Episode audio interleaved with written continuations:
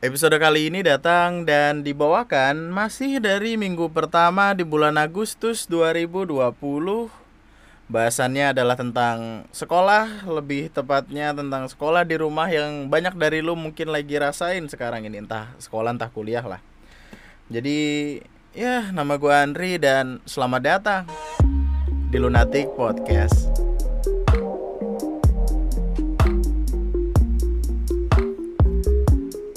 Halo apa kabar kalian? Warga plus 62 warga planet Namek warga pecinta jubah Piccolo yang lancip-lancip itu. Bagaimana kabar kalian setelah sekian bulan lamanya? Eh udah mau satu bulan ya? Iya sih? Udah mau satu bulan orang belajar di rumah? Iya yeah, dari Juli. Jadi uh, eh sebelumnya gini btw buat yang belum tahu podcast ini adalah sebuah audio platform audio audio on demand sebuah konten audio yang bisa nemenin waktu luang lu waktu lagi ngapain aja. Jadi lu nggak mesti nonton ini terus terusan lu nggak mesti stay di sini terus terusan karena stay itu biasanya buka pas malam. Stay ayam. Jadi uh, lu bisa dengerin podcast gue ini kapan pun dan di mana pun dan dalam kondisi apa pun. Kalau lagi sedih juga bisa dengerin. Dan kalau lu pengen ngedengerin versi full dari podcast ini lu bisa lari aja langsung ke Spotify. Uh, seret aja lu natik podcast. Nanti lu dengerin aja karena di sesi ini kita bakal ngebahas bahas sesuatu. Kemudian ada sesi baca email dan sesi baca email itu hanya akan gue taruh di Spotify. Mantap. Jadi lu dengerin dua kali. Dan uh, bahasan kali ini adalah tentang dede-dede kita dede-dede kita eh, dede-dede kita ke sana kayak itu apa ya.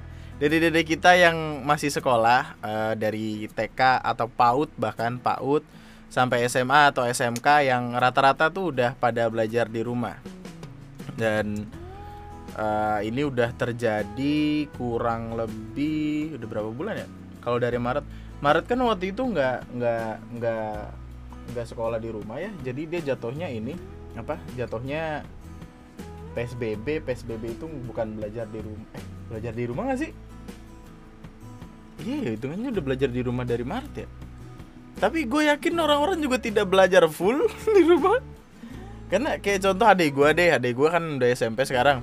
Dia aja tuh waktu waktu Maret Maretan Maret April Mei Juni sebelum akhirnya libur sekolah dan masuk lagi Juli dari Maret sampai Juni itu tuh udah udah nggak ada tugas acan. Udah bener-bener kayak dilepas aja gitu. Kayak yaudah lu mau ngapain? Suka-suka lu dah. Yang penting ntar Juni ambil raport lu naik kelas gitu aja. Gue nggak tahu sih gue nggak tahu sih mereka ke, ke apa ketinggalan pelajaran berapa banyak tapi that's just mungkin itu uh, apa alasan kenapa banyak orang di luar sana yang ngomong kayak oh, dasar lu lulus lewat jalur corona. Kenapa emang kalau kalau lulus jalur corona ya? Mereka juga nggak mau gitu. Kenapa mereka dijelek-jelekan atas sesuatu Hah? karena nggak oh karena nggak UN. Jadi sebenarnya tuh mereka tidak dikatain. Mereka hanya uh, sedang dihujat oleh kakak-kakak mereka yang iri karena mereka harus UN tapi ini angkatan sekarang kok nggak UN dasar lu pasti nggak pernah ngerasain jadi Da Vinci kan? Yang lagi ngerjain soal ulangan tiba-tiba kepikiran ini A udah B udah nih apa lagi yang belum nih? Tapi kalau semuanya A A A A nggak mungkin A lagi dong kayaknya B. Nah, B ini pasti gitu kan? Ya? Tiba-tiba dapat puff wangsit dari langit terus yang nah ini nih gue gue sempat mikir gue sempat mikir kalau ulangan adalah uh, diskriminasi secara tidak langsung terhadap orang-orang yang namanya panjang tau gitu mereka mereka nggak bisa waktu lebih banyak bro coba buat ngelingkarin namanya doang kemarin kan waktu itu kan gue sempat bikin podcast sama Reka kan yang ngebahas Bali itu. Reka itu namanya panjang loh anak Ayu Agung Reka Putri Anjani apa-apalah gitu panjang kan terus beruntungnya itu dia disingkat. Coba enggak kan repot ya. Jadi kita lagi ulangan. Ya aduh. Gak muat lagi. Bu sorry nih ini gak muat tulangannya Oh tambahin aja. Ya Allah bulat A bulat B bulat C gitu. Bikin sendiri. Buat namanya. Sebuah Sebuah Diskriminasi secara tidak langsung gue gue beruntung tau gue beruntung punya nama punya nama pendek berarti Andri Yanto. Udah gitu. Such a, such a good name gitu. Meskipun kadang gue bingung kayak lo bikin apa-apa suka ribet. Kan misalnya nama nama dua ya dua kata ya. Gue tuh jadi ya kalau Andri spasi Yanto padahal di KTP digabung. Yang gue lucu adalah nyokap gue waktu itu waktu itu mau ngurusin tentang perkara beli motor beli motor gitu. Coba pakai nama gue tapi waktu itu gue masih kerja jadi susah tuh. Nyokap nanya mas namanya Andrianto pakai Y atau Andrianto? Bro kan yang lahirin gue siapa ya? Yang lahirin gue sepertinya gue kenal gitu. Kita kan udah kenal dari kecil bro. Maksudnya kenapa? Eh gue nggak heran kenapa nyokap gue namain Mas Android di HP-nya gue tak gue pikir dia lupa sama nama gue gue nggak tahu dah. Gue nggak tahu. Gue nggak tahu. Gue nggak paham aja. Uh, anyway adik gue juga sekarang uh, udah udah belajar di rumah. Jadi adik gue tuh kayak udah hampir sebulanan sekolah di rumah gitu setelah dia naik kelas ke kelas 3 yang tidak ada ulangan itu. Yang tahu-tahu suruh ngambil rapot ya gue jadi cara dia sekolah sekarang pun cuma apa? Cuma dikasih tugas gitu by WhatsApp sama gurunya. Terus di dikerjain sama dia. Terus nanti setiap berapa minggu sekali tugas itu bakal di apa ya dikirimin ke sekolah gitulah. Dan ngerjainnya juga ngerjainnya juga pakai kertas polio men. Nggak pakai buku. Tentu itu adalah penghematan budget yang sangat uh, apa ya sangat menarik bukan menarik apa sih gue kata-kata gue itu adalah cara yang bagus untuk menghemat budget para orang tua dan guru gitu. Maksudnya kalau guru kan kalau gara-gara pakai buku ngeceknya rada-rada susah kan gitu. Kalau pakai kertas polio kan ditumpuk oh ini namanya gini gini gini gitu. Dan orang tua juga tidak perlu keluar keluar uang cukup banyak gitu untuk beli buku buku tulis buku tulis kampus gitu atau buku tulis apa yang yang ada quotes quotesnya di bawah apa tuh? Bukan AA dong Sidu, Sidu. Waduh, Sidu. In a way itu bagus gitu untuk untuk ngebikin kita atau uh, adik-adik kita, anak-anak kita buat terhindar dari dari virus dan pandemi ini gitu. Cuman di sisi lain dia ngebawa beberapa hal yang rasanya tuh cukup penting dan dan gak bisa didapetin selain di sekolah gitu. Kayak gini deh, enaknya sekolah di rumah. Uh, ini kayaknya gue mesti nanya ade dulu ya ini gue mesti nanya ade dulu deh lu sekolah di rumah enaknya apa? Gitu. Karena kalau kita di sekolah eh kalau kita sekolah di rumah kita tuh nggak perlu mikirin yang namanya telat lah yang namanya uh, pagi-pagi digedor-gedor gara-gara boker ketiduran. Kenapa? Lu pada aneh denger orang bisa boker ketiduran? Kenapa lu kok gue doang kesannya ya? Nggak gini gini. Gue nggak tahu kenapa ya. Mungkin ini privilege dari keluarga gue gue nggak tahu. Tapi kan gue pakai wc jongkok ya. Dan wc jongkoknya itu bener-bener mepet ke tembok. Jadi gue bokir nyender tau gak sih lu? Jadi gue udah bokir nyender gitu. Cuman kadang kalau lagi ngantuk banget tuh ya udah tidur gitu. Pernah suatu hari nyokap gue cabut men. Nyokap gue nyokap gue lagi pergi ke mana gitu terus nginep sama adik gue gue harusnya waktu itu sekolah uh, masuk pagi. Kelas 3 gue masuk pagi deh kalau nggak kelas 3 gue masuk pagi. Terus ketiduran waktu lagi boker. Nah itulah alasan kenapa gue akhirnya menemukan metode gimana caranya telat datang ke sekolah tapi masuk kelas nggak malu. Itu gara-gara gue sering kayak gitu. Jadi gimana sih namanya namanya masih ngantuk ya. Dan dan kayak semua isi perut kita tuh keluar semua gitu. Jadi kan lemes kan. Udah ngantuk lemes ya tidur. Apalagi gitu. Emang nggak boleh orang boker tidur. Boleh tahu. Siapa yang nggak ngebolehin? Ya elah. Cuma gara-gara gara-gara uh, pandemi ini adik gua aja sekarang kalau bangun siang gitu. Jam 12 jam 1 tidur juga jadi malam. Kasihan sih sebenarnya di sisi lain kasihan kalau misalkan uh, waktu dia sekolah tuh udah udah uh, balik lagi gitu. Kalau misalkan dia balik lagi dengan jam tidur dia yang masih ah nggak beres itu takutnya ntar malah ke bawah terus dan takutnya ya kayak gua jatuhnya. Sembarangan banget hidup tadinya gua bangun jam 2 jam 3 tidur jam 8 tapi eh bro gini gini. Ini sebelum kita lanjut lagi ada sebe sebenarnya alasan kenapa jam tidur gue jadi buruk lagi adalah untuk niat gitu. Karena ketika pagi sampai sore itu sebelah kan lagi renov kan lagi ngebangun-bangun gitu. Eh bangun-bangun maksudnya lagi lagi malu-malu ngebor maku-maku gitu. Dan itu dari pagi sampai sore. Kalau misalkan gue bangun pagi uh, record itu tuh gue bingung takutnya ntar suaranya masuk terus nggak enak. Dan gue sempet ya nih gue sempet gue bela-belain nggak tidur. Paginya gue bang paginya gue masih bangun terus gue kayak pengen record gitu. Tapi ketika gua record suara sebelah tuh kenceng. Giliran gue berhenti sebelah tuh ikut berhenti. Jadi gue curiga dia tuh kayak lagi nungguin gue ngomong ayo lagi lagi mau ke Grenda nih ayo ayo ngomong lu ngomong lu gitu kita kita lihat-lihatan gitu akhirnya enggak lah paket gitu. Gue gue tidur tidur dari pagi ke siang atau ke sore dah gitu biar gue malam tenang aman nggak takut ntar malah jadi emosi. Apalagi dengan jam tidur yang berantakan kan makin emosian kan.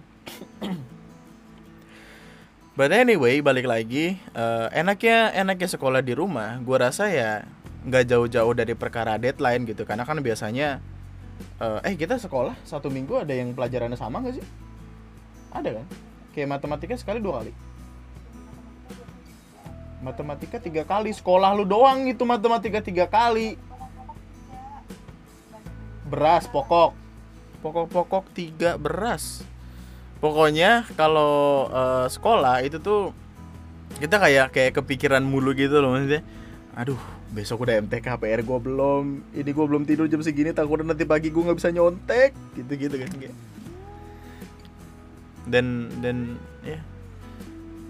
Gue agaknya akan sangat amat uh, pengen tahu nih gimana nasib teman-teman gue yang ketika malam gue tanya eh lu udah ngerjain PR apa belum? Katanya belum tapi paginya dikumpulin itu dia udah pada sukses apa belum? Gue pengen tahu hidupnya sekarang pada ke mana.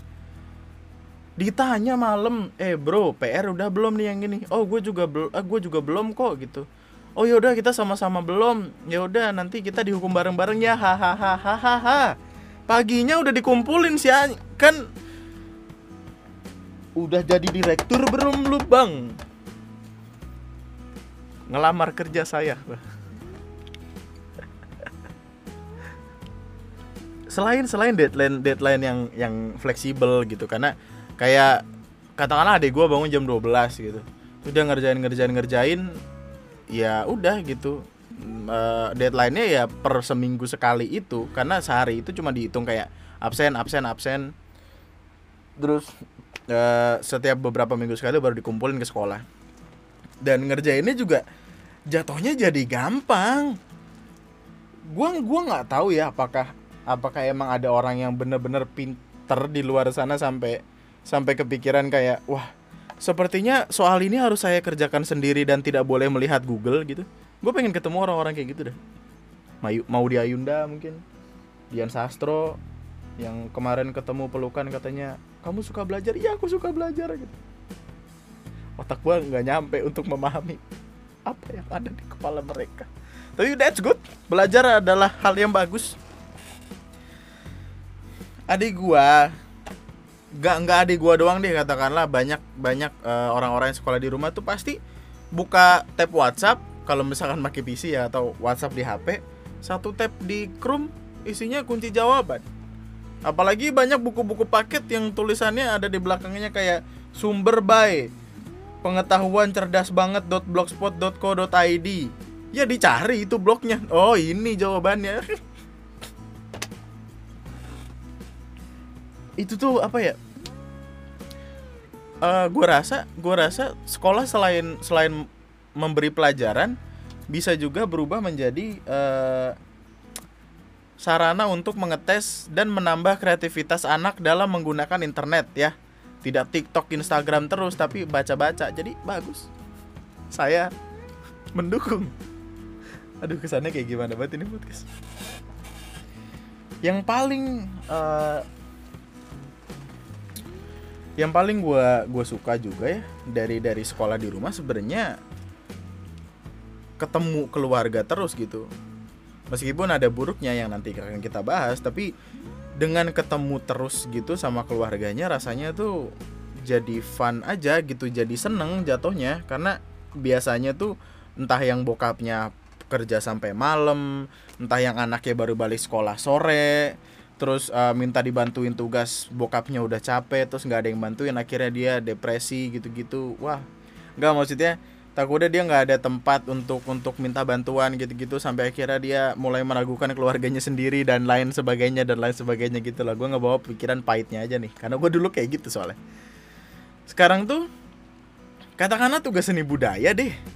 Tugas-tugas yang uh, yang harus dibantuin sama keluarga itu tuh semuanya bisa ngumpul bantuin keroyokan gitu. Kayak Ara tuh adanya satu butuh buat bikin seni keluarganya semuanya ngumpul. Kayaknya sampai serame itu gitu. Bahkan dia lagi ngerjain di teras gitu ada Pak RT lewat. Pak RT oh lagi ngapain? Lagi ngerjain? Oh sini dibantuin gitu. Semua ngumpul. Terus dia pakai ketok-ketok gitu masing-masing rumah door to door. Pak sorry nih maaf ganggu waktunya. Ini lagi ngerjain tugas. Mau ikut gak? Oh boleh. Gitu.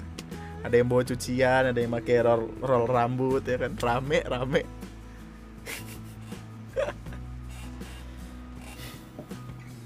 jalan yang bagus sih maksudnya in a way itu ngebikin orang lebih dekat sama keluarganya lebih dekat sama anak dan orang tuanya. Anak ke orang tua orang tua ke anak. Cuma di sisi lain nggak enaknya untuk sekolah di rumah adalah pertama bosan obviously karena ya basi nggak sih men maksudnya kita juga ada larangan untuk keluar rumah kan sempat ada sekarang mah kalau keluar rumah ya yang penting aman nggak apa-apa itu tuh kita kerjaan nih kayak ngeliatin atap tembok, ngeliatin HP, ngeliatin komputer, ngeliatin atap, ngeliatin kamar mandi, boker, tidur, dibakar gitu-gitu kan. Capek, asli bosen. Bosen banget udah mah disuruh beberes mulu ya kan. Gua I know, I feel it, gua paham. Gua paham perasaan orang-orang yang kalau misalkan di rumah terus tuh bawaannya Perawan jam segini belum bangun. Bangun, nyuci piring, nyapu, nyetrika, ganti genteng, benerin paralon. Kasih makan ayam.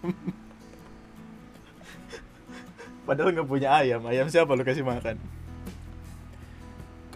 Eh, bangun pagi nanti rezeki lu dipatok ayam. Ya nggak apa-apa orang ayamnya nanti gua makan.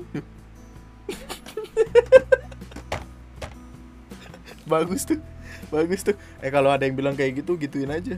Eh lu bangun siang mulu ya ntar rezeki lu dipatok ayam. Apaan orang ayamnya aja udah gue makan jadi rezekinya kayak ke gue ya gitu. Ya rezeki gue ya ayam tadi anjay. Ya anjay lagi.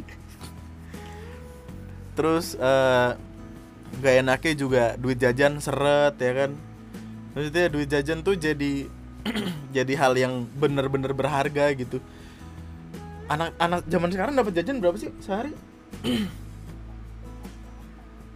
tergantung kelas Buset, kayak UMR lu ya. Eh kayak kayak gaji perusahaan, semakin pinter lu, semakin S1, S2 semakin gede gaji lu.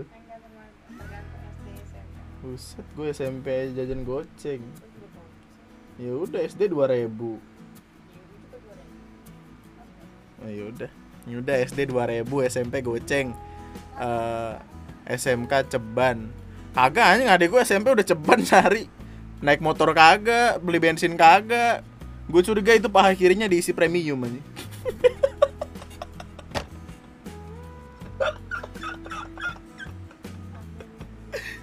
Ini ada gue dengerin ini marah-marah nih pasti. Dan salah satu hal yang agaknya krusial tuh adalah uh, kurangnya sosialisasi yang anak-anak ini terima, yang anak-anak ini uh, dapetin itu pasti berkurang. Jadi gimana ya?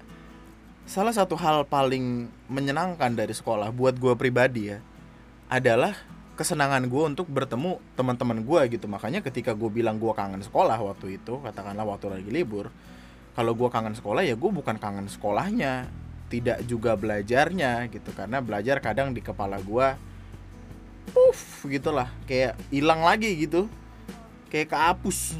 Ya itu gua ya itu gua. Jangan sama-samain kayak gua karena gua goblok tentu saja.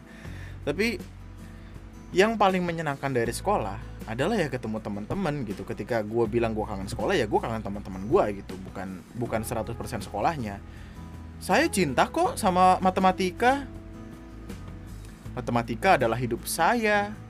Nanti saya akan akan mengaplikasikan penggunaan persatuan linear dua variabel ketika saya membeli somai. Karena gini loh. Kita as a, as a proper human being gitu bakal lebih banyak belajar tentang society dari bersosialisasi sama teman-teman, sama teman-teman di sekolah, sama orang-orang. Gimana ya?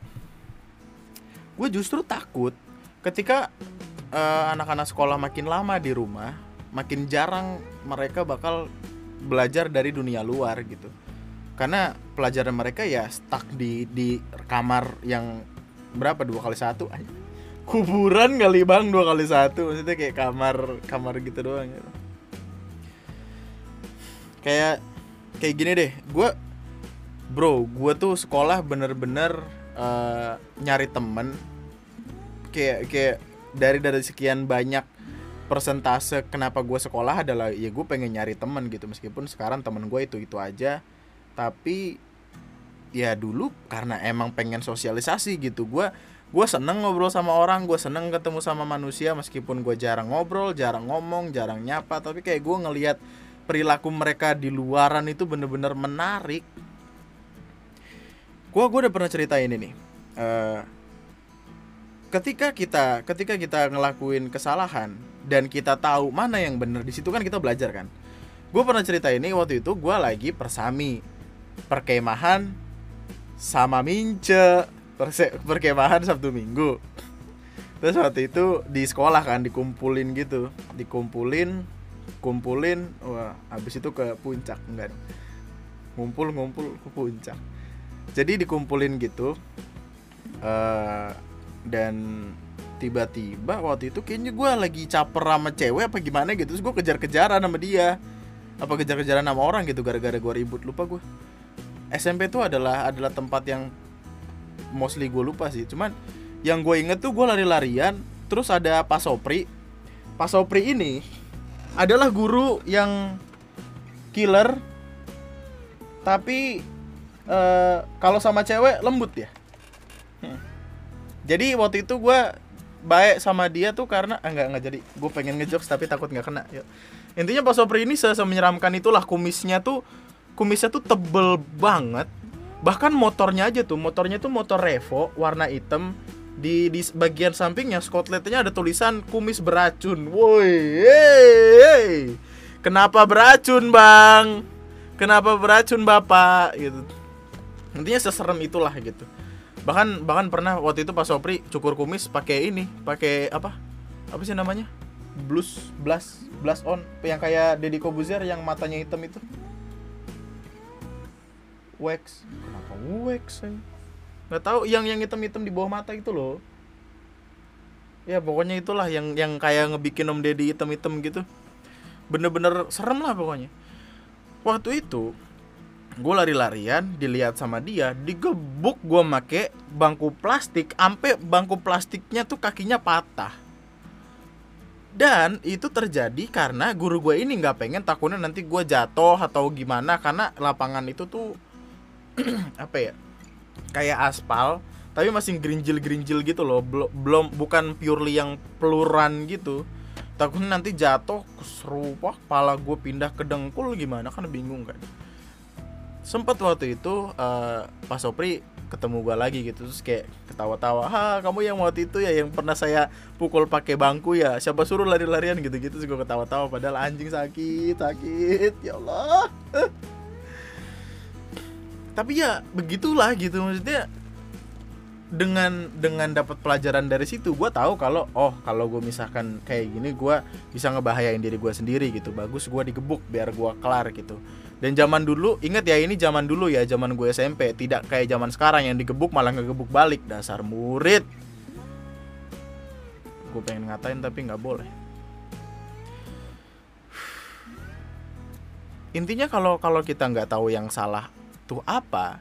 Kita cenderung nggak bakal tahu yang bener tuh apa dan itu tuh kita dapetin ketika kita eksperimen gitu bersosialisasi. Kita nggak akan tahu gimana gimana jalan hidup ini nantinya kalau kita nggak pernah ngelewatin atau kalau kita nggak sering ngelewatin yang kayak gitu kayak gitu.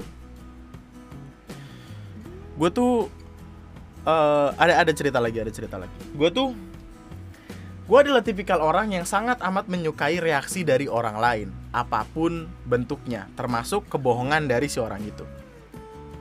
Waktu itu, uh, persami juga tapi nggak persami, gimana ya? Pokoknya kayak kayak malam-malam jurit malam itu LDKS ya. Pokoknya semacam itu deh. Kami uh, anak pramuka ngumpul di sekolah. Terus katanya ada salah satu kakak pembina yang uh, jago banget, expert banget tentang perkara setan-setanan, tentang perhantuan lah intinya. Gua sama temen gua waktu itu, sama Dwi, sama Eka, sama satu lagi siapa tuh? Ya pokoknya ada bertiga lah, ah, sama gue jadi berempat. Ngobrol, eh kata lu dia beneran bisa ngeliat setan gak ya? Enggak sih gue nggak percaya gitu. Lundri, wah nggak tahu dah. Coba aja kali yuk, coba aja yuk, coba. Malamnya anak-anak pada tidur, cuma yang berempat kami ini nggak tidur. Pembina kan tetap bangun kan ngeliatin gitu. Dan entah kenapa mereka harus maksa banget kita buat serk tidur saat itu juga gitu. Padahal yang namanya tidur kan susah diatur sama orang ya. Tapi intinya yang lain pada tidur. Gua pura-pura tidur. Tiba-tiba dari dari tiduran yang kayak gini loh dari tiduran yang bener-bener kayak gini langsung gitu. Langsung bangun langsung bangun terus ngeliatin pembina gua yang katanya bisa ngeliat setan ini. Terus gua pura-pura nangis si bangsa tiga orang teman gue ini ketawa tapi kayak gitu-gitu kan. Gue bangun melotot nangis. Di di bopong sama dia didudukin gitu kan. Didudukinnya tapi di meja cuman mejanya tuh kayak bangku gitu. Kamu kenapa? Kamu kenapa? Gitu. Empat eh tiga orang teman gue tahu gue pura-pura. Jadi mereka bangun terus kayak iya tadi. Mereka ngebikin ceritanya sendiri yang gue nggak tahu dan gue nggak paham kenapa mereka bikin kayak gitu. Jadi dia tiba-tiba satu si Dwi apa Eka gitu bilang iya tadi dia habis ke kamar mandi cuman emang dia kencingnya sembarangan si bangsat itu maksudnya kencing sembarangan gimana yang gue kencing ke jidat gitu kan nggak bisa dong goblok. Terus sih kayak pokoknya bikin cerita-cerita cerita gitu. Intinya yang intinya mau bilang kayak oh si Andri ini habis ngelakuin sesuatu yang enggak enggak gue bangun ngeliatin pembina gue ini pura-pura nangis. Pembina gue dengan pedenya wah ini cewek sih. Nanti gue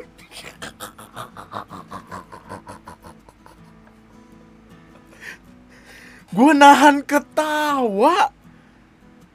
Kenapa jadi cewek dia masih masih berani jadi ada dua kakak kelas yang satu cowok yang satu cewek. Yang yang cowok ini yang bilang dia bisa ngeliat setan dia kayak ngejelasin gitu.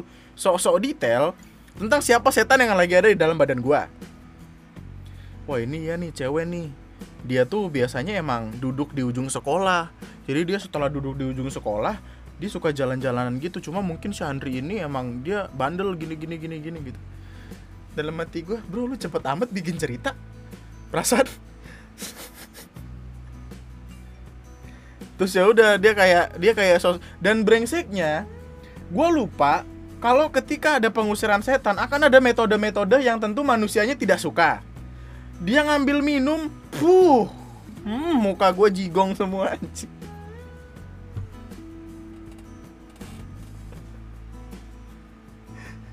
Langsung langsung ini loh. Langsung bangun dan bangunnya juga pura-pura yang yang pura-pura sadar gitu pura-pura sadar pura-pura paham. Terus itu jam jam berapa ya? Jam 2an ya udah gue pura-pura tidur. Tapi sebelum tidur gue kayak bisik-bisikan sama teman-teman gue tadi itu. Kayak dia goblok deh. Iya iya kayak dia goblok gitu gitu aduh dosa banget dah. Dan itu hadir karena pengalaman kan? Maksudnya gue eh harus menjadi pintar loh untuk untuk menimbulkan sebuah kebohongan. Sama halnya kayak si kakak pembina ini gue bilang gitu. Kita tuh tahu uh, apa logika sebenarnya dan kita harus kayak ngegeser logika itu supaya uh, logika yang digeser itu diterima sama orang lain. Dan itu tuh butuh butuh jam terbang loh untuk untuk bisa diem terus pura-pura nangis. Dan waktu itu gue sampai nangis beneran anjing kayaknya gue harus dapat Oscar karena itu gitu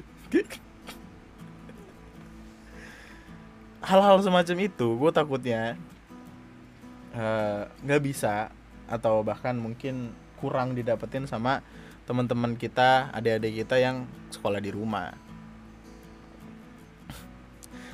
Meskipun gue juga bingung sih kenapa mereka harus pura-pura jadi kesurupan dan pura-pura.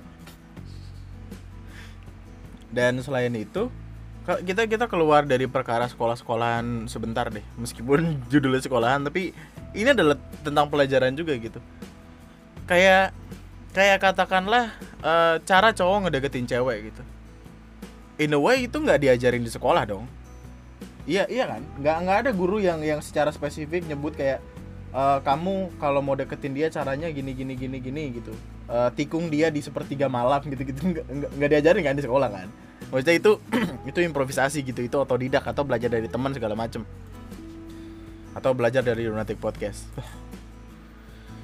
Gue gue nggak tahu apakah gue emang gue emang brengsek atau gue Casanova gitu. Jadi gue dari dari dari masih belia tuh udah udah gimana ya udah trial and error lah gitu dalam perkara ngedeket-deketin cewek gitu. Dan ini tuh belajarnya dari pengalaman gitu. Kita tuh kita tuh nggak bisa yang tiba-tiba uh, deketin cewek pakai cara A dan berharap langsung berhasil tuh nggak bisa gitu. Dan kebanyakan kan cara-cara deketin cara deketin uh, orang-orang yang katakanlah masih SMP SD apalagi ngapain orang SD pacaran buset. Tuker-tukeran squishy lu. Itu kan caranya tuh masih masih permainan caper kan maksudnya. Kayak uh, dia lagi jalan kita selengkat kakinya gitu terus palanya masuk comberan gitu terus berharap kayak ih gue dijailin sama dia pasti dia suka sama gue gitu kan? Nggak juga gitu. Uh, dan dan gue belajar banyak gitu. Ada ada banyak cara-cara yang yang akhirnya gue coba dan nggak berhasil gue coba berhasil gue coba nggak berhasil gue coba berhasil sampai akhirnya cara-cara yang berhasil selalu gue bawa uh, sampai bahkan detik ini buat uh, ya doing something gitu. Maksudnya kayak ketika ketika gue habis bikin salah gue ngelakuin hal baik gitu gitulah I know I know how treat a woman gitu. In in a way uh, ya gitu. Maksudnya ngebikin mereka luluh tuh kayak kayak Casanova gitu. Anjing self proclaim banget nih bang. Nggak gitulah. Tapi itu belajar itu dari pengalaman. Nggak bisa loh lu yang namanya pertama kali deketin cewek lu langsung langsung pengen deketin cewek kayak Milea gitu kayak kayak siapa namanya tuh? Priscilla. Vanessa Vanessa ah 80 juta. Wow wow wow wow wow, wow. ger. Tapi ya itu belajar gitu. Dan dan hal-hal semacam itu nggak diajarin di sekolah. Fungsi dari kita bersosialisasi adalah agar kita bisa ngedapetin pelajaran-pelajaran yang tidak ada di buku sekolahan. Supaya nantinya kehidupan kita akan jadi lebih baik lagi. Nggak ada loh nggak ada. Ketika ada ketika ada orang ngebawa pisau ke arah lu gitu lu nggak bisa buka buku. Nggak ada orang melajarin di di buku sekolahan penjaskes juga kayaknya nggak ada ya. Maksudnya itu itu hal yang lu dapat dari society gitu, lu dapat dari tempat-tempat lain, entah entah dari guru karate, entah dari guru boxing atau apalah gitu. Tidak semuanya purely ada di sekolah dan gue takut aja adik gue adik gue minim minim pengalaman tentang hal-hal dari dunia. Dan ya gue berharap semua ini cepat selesai sih. Gue berharap supaya uh, anak-anak bisa kembali ke sekolah lagi. Soalnya waktu itu gue sempat ngeliat video ABG dia nangis jadi dia datang ke sekolahnya terus dia nangis. Karena dia kangen sekolah maksudnya. Mau di Ayunda mau di Ayunda. Kayaknya dia mau di Ayunda. Serem video TikTok eh TikTok apa Twitter gitu apa Facebook gue lupa. Ini ini nggak nggak nggak serta merta gue apa ya ini nggak serta merta ngebikin gue bilang kayak sekolah itu nggak penting. Enggak gitu. Sekolah itu penting. Maksudnya you learn the basic thing in school. Dan sekolah adalah tempat terbaik untuk belajar gitu. Karena tidak semua orang tua memiliki kesabaran untuk mengajarkan anaknya. Dan kayak yang mungkin akan terjadi sama gue itu jangan ditaruh di situ. Itu colokan nyetrum meledak. Ada ada aja Nurdin. Itu kain kain kena listrik meleleh. Meleleh terbakar terbakar dem. Terbakar api cemburu. Nggak lanjut yuk. Uh, apa tadi sampai mana tuh? Ngedistrek aja lu Bambang ah. Nggak bukan berarti sekolah itu nggak penting. Kita belajar matematika kita belajar rumus segala macam tuh dari sekolah. Kayak katakanlah penambahan pengurangan pengkalian segala macam tuh ya paling paling bisa diajari di sekolah. Gua gua tuh belum cocok loh untuk ngajarin anak-anak dan gue jujur akan itu gitu. Gue tuh entah kenapa belum bisa sesabar itu sama bocah gitu. Mungkin gue benci hal-hal yang berisik atau mungkin belum belum gue belum punya anak aja gitu sampai sampai gue belum bisa mempelajari itu cuma ya cara terbaik untuk belajar ya di sekolah karena ada guru di sana. Guru-guru itu uh, emang mendidikasikan uh, diri beliau beliau-beliau sekalian buat ngajarin ngajarin anak-anak gitu ngajarin orang-orang murid-muridnya supaya bisa jadi lebih pintar dari yang sebelumnya. Cuma emang di zaman sekarang ini jadi guru tuh susah karena banyak hal yang bocah-bocah sekolah lakuin yang bahkan tuh wadaw banget. Waktu itu ada murid ditegor sama gurunya bapaknya datang bapaknya nampol guru. Maksudnya kayak eh jadi guru tuh susah loh. Jadi guru tuh susah loh. Gue gue waktu itu sempet uh, kayak ngajarin ngajarin orang kayak beberapa orang gitu buat uh, apa pengetahuan akan komputer gitu buat ngasih tahu pengetahuan akan komputer.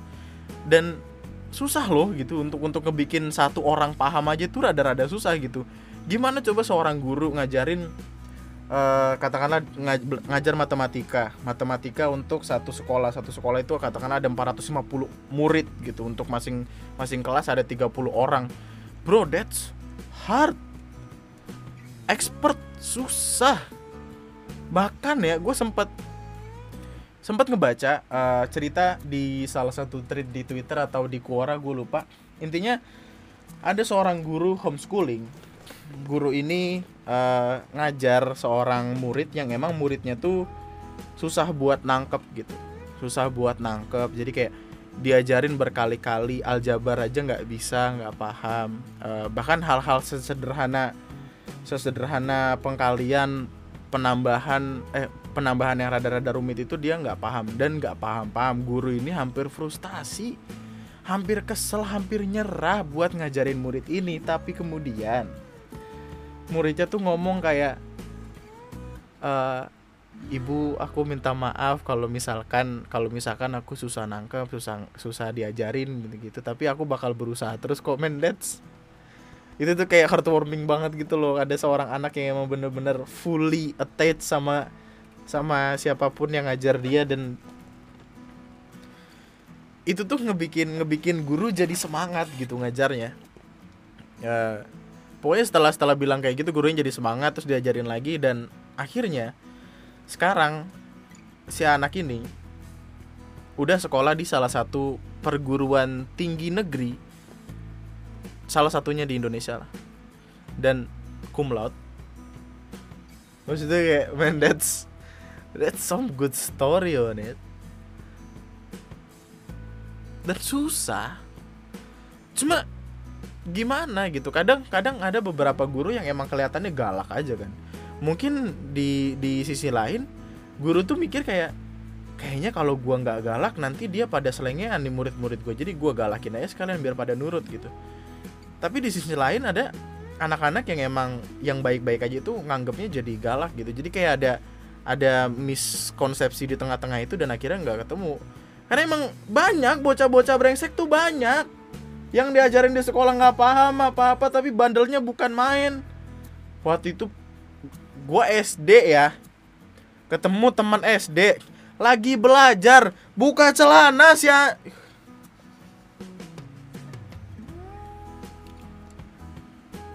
gua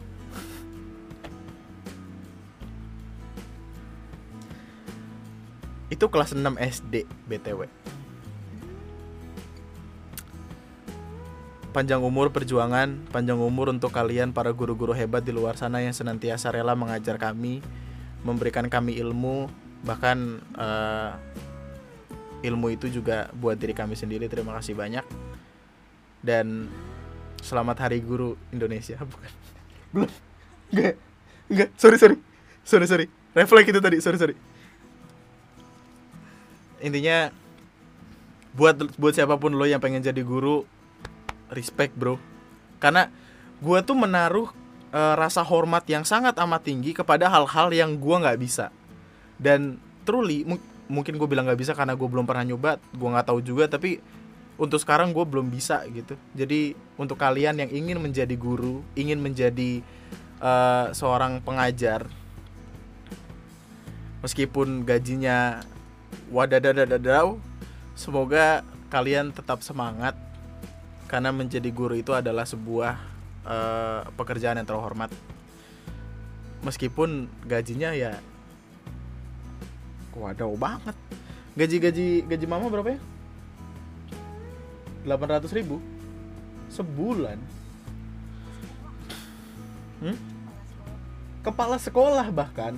Wow. gua sempat ngeliat di Instagram ada slip gaji guru honorer. Uh, itu cuma 35.000 sebulan. 35.000 sebulan. Ke McD beli paket hemat aja tuh nggak hemat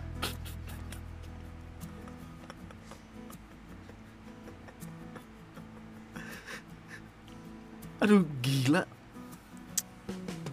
Di Finlandia negara dengan uh, kualitas pendidikan paling bagus di dunia itu gaji guru tuh udah uh banyak. Gimana sih? Kenapa ada gitu maksudnya? Itu untuk untuk itu apa? Menginterpretasikan banyak gitu kayak puh, gitu. Kita loh 35 ribu ada ya Allah. Beli kuota aja nyicil. Gimana kalau guru-guru ini disuruh untuk uh, diminta untuk ngajarin ngajarin online gitu? Apakah ada tunjangan kuota?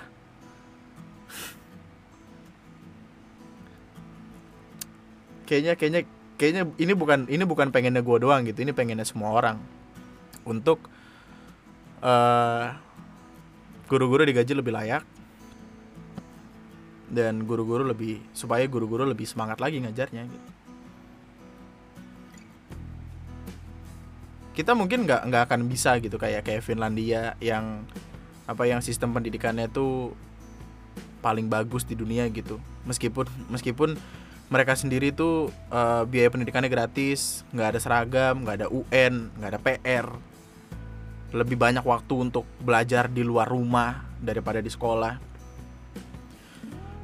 tipikal orang-orang yang belajar kayak wah ini ada motor di jalan kuncinya nempel. Kalau gue ambil oh digebukin. Nah itu tipikal belajar itu.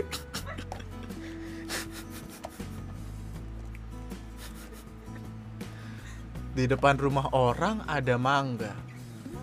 Kalau gue ambil oh digebukin. Ya udah besok gue coba lagi tapi gue lari. Gue ambil lari. Oh dihadang satpam. Besok satpam gitu-gitu aja gitu. Maksudnya they learn by doing gitu. Semoga semoga nantinya pendidikan di Indonesia akan bisa sehebat negara-negara maju di luar sana. Semoga guru-guru bisa ngedapetin hak-hak yang lebih layak daripada sekarang karena bro, guru itu adalah tiang dari setiap kepintaran-kepintaran yang kita dapat. Kalau semuanya nggak melewati guru buat apa? Waktu itu guru gue sempat ngomong, uh, Pak Sopri deh, Pak Sopri kayaknya. Pak Sopri, Pak Sopri kan guru guru olahraga sama olahraga apa ya? olahraga sama PKN sama dia juga jadi wali wali osis kan terus dia ngomong uh, ke salah satu murid yang marah sama salah satu guru karena salah satu guru ini galak segala macam apalah gitu. Pak Sopri bilang segala galaknya guru kamu ini ilmu yang kamu dapat itu dari dia dari beliau.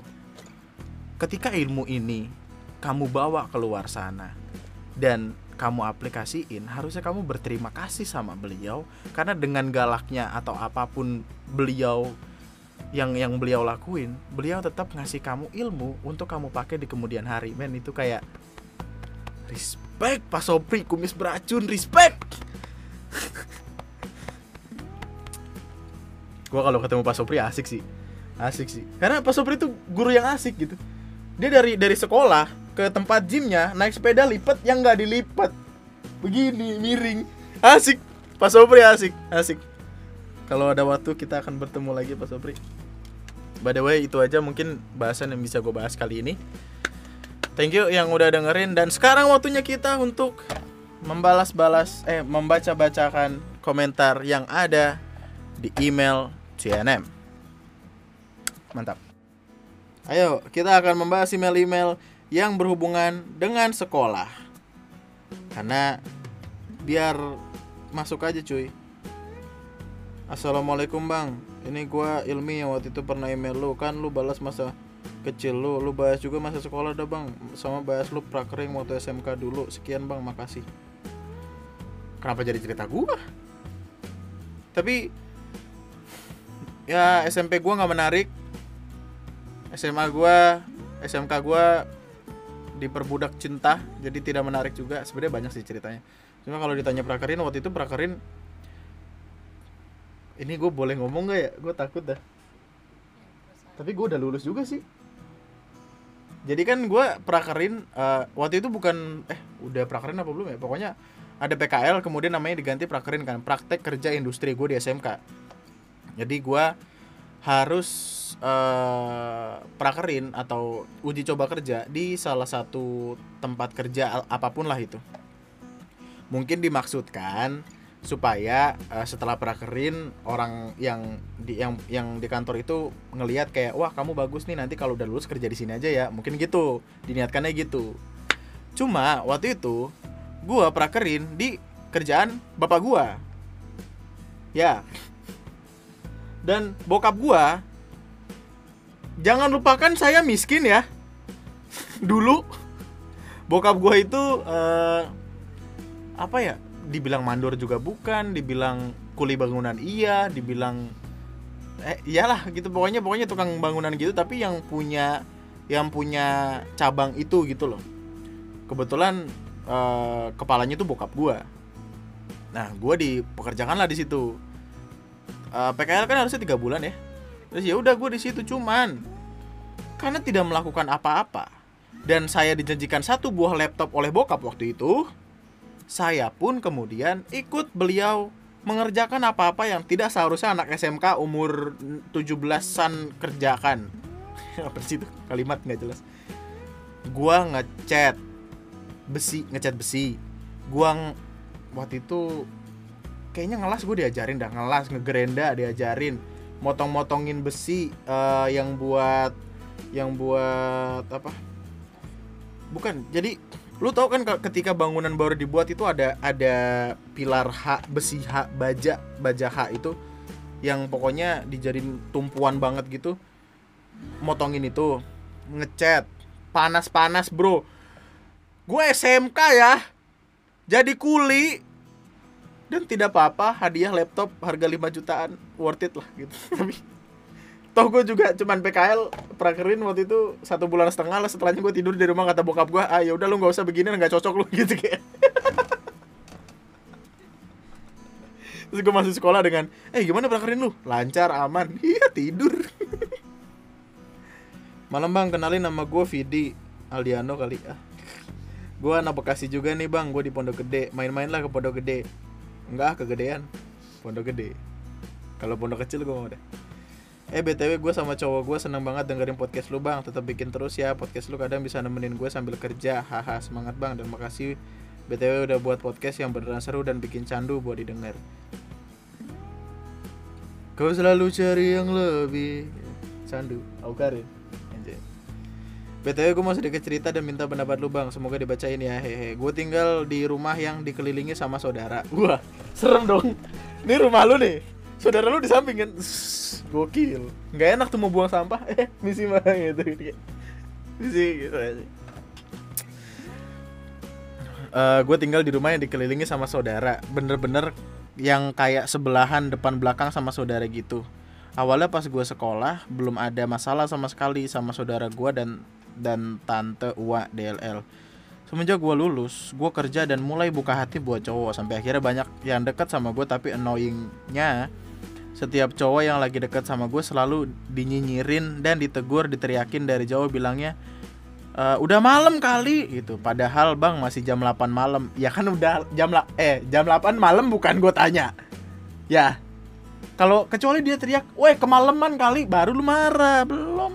Baru jam 8 malam kenapa gue kesannya kayak marah-marahin dia ya? dan anak mereka pulang jam satuan gitu. Oh jadi ama anak sendiri eh, nggak uh, apa-apa. Tapi kalau ama gua aja lu gitu. Dan temen gua semua yang cowok digituin. Kalau temen yang ngerokok dan tatoan diliatin dari atas kepala sampai ujung kaki kayak liatin bandit. Kesel gua nggak ada yang berani main ke rumah gua sampai yang dekat sama gua sampai ngejauh dan kapok. Dan masalah kedua Semenjak kerja jadi admin di salah satu restoran, gue suka lembur dan pulang agak tengah malam. Dan lu tau gak sih bang, gue dikatain ngejablay. Uh, dikatain yang enggak enggak. Padahal gue gak ke mana-mana, gue kerja aja. Masalah ketiga, gue gue punya cowok yang insya Allah bakal nikah tahun depan. Bang doain. Amin. Undang-undang ya pakai kambing guling. Cowok gue ini gak diterima dengan baik sama saudara bibi dan lain-lain. Malah sindir. Inilah itulah Sedangkan orang tua gue terima cowok gue dengan baik. Gue sih ya bingung ya bang, kenapa gue punya saudara yang kayak gitu. Sedihnya dulu orang tua gue pernah cerita jadi ada suaminya dari salah satu bibi gue main Terus pulang ke rumahnya dia sakit perut Terus bibi gue bilang sakit perut karena masak makan masakan nyokap Padahal itu om gue gak makan sama sekali di rumah gue Bisa ya dia bilang gitu seakan-akan masakan nyokap gue bikin orang sakit perut Padahal dari zaman gue sekolah temen gue pasti datang setiap nyokap masak besar-besaran Sesakit hati itu gue bang. Awalnya gue pikir mereka jahat ke gue doang Ternyata ke orang tua gue juga. Sampai gue bener-bener dendam sih sama mereka. Mereka jahat jahat sama gue. Gue pernah ada di titik yang namanya depresi Dan berontak marah ke mereka Sampai lebaran tahun ini pun gue gak sapa sama Ua gue yang satu punya masalah sama gue. Gue jadi gak betah di rumah Karena setiap gue di rumah Gue harus lihat muka Muka saudara gue dan lain-lain gue sih kasihan sama nyokap aja bang. Gue pernah sedepresi itu sampai gue harus berobat ke psikolog. Tapi semenjak gue sadar mereka begitu gue bisa jadi orang yang takut yang takut kalau harus kenal baru dan lebih sensitif aja gitu. Sorry bang kepanjangan banget. Ini ceritanya sampai saya emosional itu gue haha. Tapi gue bakal seneng banget kalau lo kasih pendapat apa yang harus gue lakuin atau bersikap apa sama mereka. BTW bang tetap bikin podcast ya karena dengan podcast lu gue bisa ngerasa punya teman ngobrol. Hey thanks bang. Sukses terus. Maaf kalau kepanjangan. Nggak apa-apa kok Vidi mantap respect banyak dari kita yang hidup di sebuah lingkungan yang emang pada dasarnya tuh toksik aja, tapi kita baru tahu mereka toksik setelah kita dewasa. Gini, apa ya? Ada orang-orang di luar sana yang bahagia loh uh, dengan ngelakuin hal-hal semacam itu. Dengan ngelakuin hal-hal yang seolah-olah bilang kayak hidup lu hidup lu bangsat lah gitu, hidup lu nggak asik, hidup lu caur lah. Ada orang-orang yang mendapatkan kenikmatan dari itu karena mereka udah kalah sama lu. Kayak mereka nggak punya apa-apa selain kata-kata yang bisa dilempar ke lu. Jadi caranya adalah ya tunjukkan eksis eksistensimu. Tunjukin aja apa yang lu bisa. Tunjukin kalau lu lebih hebat dari mereka.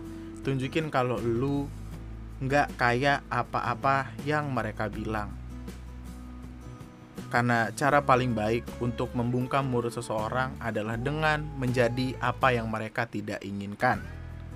That's a good word. That's a good one.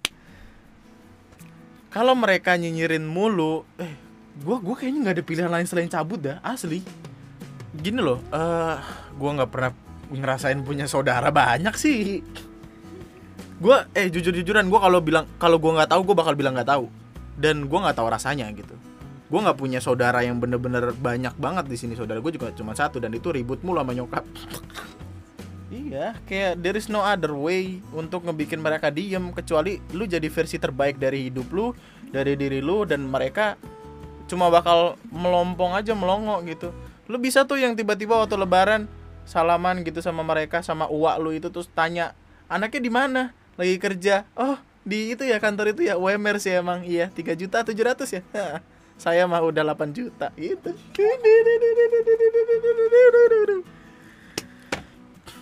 tapi bro lu kan udah mau nikah tadi gue lu cabut. Perkara orang tua lu orang tua lu kan adalah saudara mereka kan? Iya gak sih? Harusnya gitu kan ya? Orang tua lu adalah saudara mereka jadi ya mereka tahu gitu bagaimana harus mentrit saudara-saudara mereka kalaupun sekacau-kacaunya juga paling cabut dan lu juga nantinya akan punya keluarga sendiri. Dan tolong jadiin pelajaran di keluarga lu nanti kalau misalkan lu punya saudara jangan kayak si berak-berak kemarin itu. Orang pulang malam kagak tahu juntrungannya. Orang tuh kalau balik malam ditanya neng dari mana? Kerja di mana? Di sini? Oh mantap gitu kagak yang neng pulang malam. Ih jablay apaan? Nggak jelas lu. Satu email lagi deh satu email lagi. Hai kak, semoga sehat selalu ya. Aku Lili, udah nama samaran. Aku pengen curhat nih kak, aku lahir dari keluarga yang bisa dikatakan kuno banget. aku yang cewek ini nggak boleh keluar rumah kalau udah lewat jam 4 sore. Kalau terpaksa keluar, harus berangkat dan pulang bareng ayahku. Ini mungkin masih wajar. Suatu hari pas setelah mohon-mohon akhirnya diizinin. Pas baru habis maghrib, ibuku nelpon, kapan pulang? Ini dah malam. Nah ini gimana cerita ikut bukber? Pulangnya maghrib. Setelah terawih, temanku yang cowok akhirnya nawarin nganterin pulang karena dia bawa motor, tapi ortuku ngelarang, katanya bahaya. Padahal temanku ini udah mahir naik motor, rumah temanku dekat dengan rumahku. Ortu kita saling kenal dan mereka keluarga baik-baik. Dan akhirnya aku naik bis sendirian karena teman-teman lain masih mau lanjut silaturahmi ke rumah teman yang gak bisa hadir. Gak cuma gitu, kalau aku naik Grab dan Gojek pun ditegur karena yang nyetir cowok. Pokoknya kalau ada kaum cowok mereka say no Aku ataupun ortuku nggak pernah punya sejarah buruk dengan kaum cowok. Aku juga bukan tipe anak nakal, bener-bener selesai sekolah langsung pulang, dijemput ayah pula. Dan keluar rumah selain sekolah cuma pergi les dan kerja kelompok. Pas kuliah pun cuma jalan-jalan sama temen karena ortu sering video call nanya keluar sama siapa. Akhirnya aku jarang banget berinteraksi dengan cowok sampai gara-gara itu kalau bicara dengan cowok sekarang aku grogi parah sampai keringet dingin, dak dik duk segala macam. Padahal aku cuma pesan nasi goreng dan ini terjadi ke setiap cowok dari segala umur. Cuma lo nanti podcast di mana aku dengar suara cowok lebih dari sejam dan aku ngerasa enjoy. Yang biasanya cowok baru ngomong sekalimat aku udah melarikan diri, tiba-tiba sekarang ortuku minta aku buat cari cowok untuk dijadiin menantu. Dengan kondisi gue yang seperti ini tentu aku nolak karena kasihan cowoknya gimana menurut kakak tentang keadaanku ini. Dia dari sejak dini diajarkan untuk tidak terlalu dekat-dekat dengan cowok karena katanya berbahaya. Giliran sekarang suruh nyari cowok buat jadiin menantu. Itu itu bisa jadi pelajaran banget sih buat gue as a as a parent gitu nantinya. Gue nggak pengen anak gue tertekan sama hal-hal kayak gini sih. Intinya tenang dulu. Dengan dengan dengan lu dengerin suara gue aja uh, kalau lu bisa tenang gitu maksudnya nggak nggak cabut kayak denger suara cowok yang lain ketika denger suara gue gitu. Perlahan-lahan ketika lu terbiasa ya lu nantinya akan bisa gitu. Mungkin akan ada kata terpaksa dan dipaksa di sana karena kan terpaksa di, eh dipaksa terpaksa terbiasa apalagi tuh waktu itu yang katanya Zawin. Gue nggak bisa bilang banyak selain semangat karena dengan dengan lu udah berani dengerin gue dan bisa dengerin gue itu tuh kayak udah kemajuan yang bener-bener pesat bukankah begitu? Gue yakin lu bisa. Kita semua yang dengerin Lunati Podcast yakin kalau lu bisa nggak usah ragu. Nantinya akan ada satu orang sederhana yang datang ke lu dengan logonya uh, ngebikin lu jatuh cinta dan dia jatuh cinta sama lu dan kalian akan bahagia selamanya. Tunggu aja tapi juga tolong berusaha. Jangan ada orang datang lu main cabut gitu aja. Takutnya yang orang baik nggak dapet yang jahat jangan dah nggak jadi gua. Ah bro ini udah ngelantur nih tapi tadi tolong si siapa? Lily I know you can do it. Lily belajarlah pelan-pelan. Kalau kalau Ricky kan itu ya apa? Suka takutan gitu sama cewek. Cara dia untuk dekat sama cewek ya ada di ruang lingkup yang ada ceweknya. Yang memaksa dia buat bareng cewek. Kayak ngerjain tugas kelompok bareng anak-anak cewek. Terus uh, ngumpul main sama teman-teman cewek. Ya some stuff like that gitu gitulah dan gue tahu lu juga bisa kok. Karena bisa atau enggaknya seseorang itu tergantung dari seberapa niat dia pengen ngerubah hidupnya. Mantap. Yuk respect. Thank you. Sampai jumpa di podcast gue selanjutnya. Terima kasih udah ngedengerin podcast ini sampai habis. Terima kasih udah lari ke Spotify buat dengerin Q&A yang eh Q&A apa bahasa-bahasa email yang gue juga bingung milihnya. Harusnya gue pilihin dulu sih dari awal. Ntar gue bakal minta tolong Ara buat milihin. Uh, sampai jumpa tolong tetaplah bahagia tetaplah baik-baik saja. Subscribe channel TNM uh, eh, follow sosial media gue di Aeronautic Twister ada Twitter ada Instagram. Lu juga bisa nge-follow Spotify gue supaya ada yang dengerin. Itu aja nama gue Andri sekian dan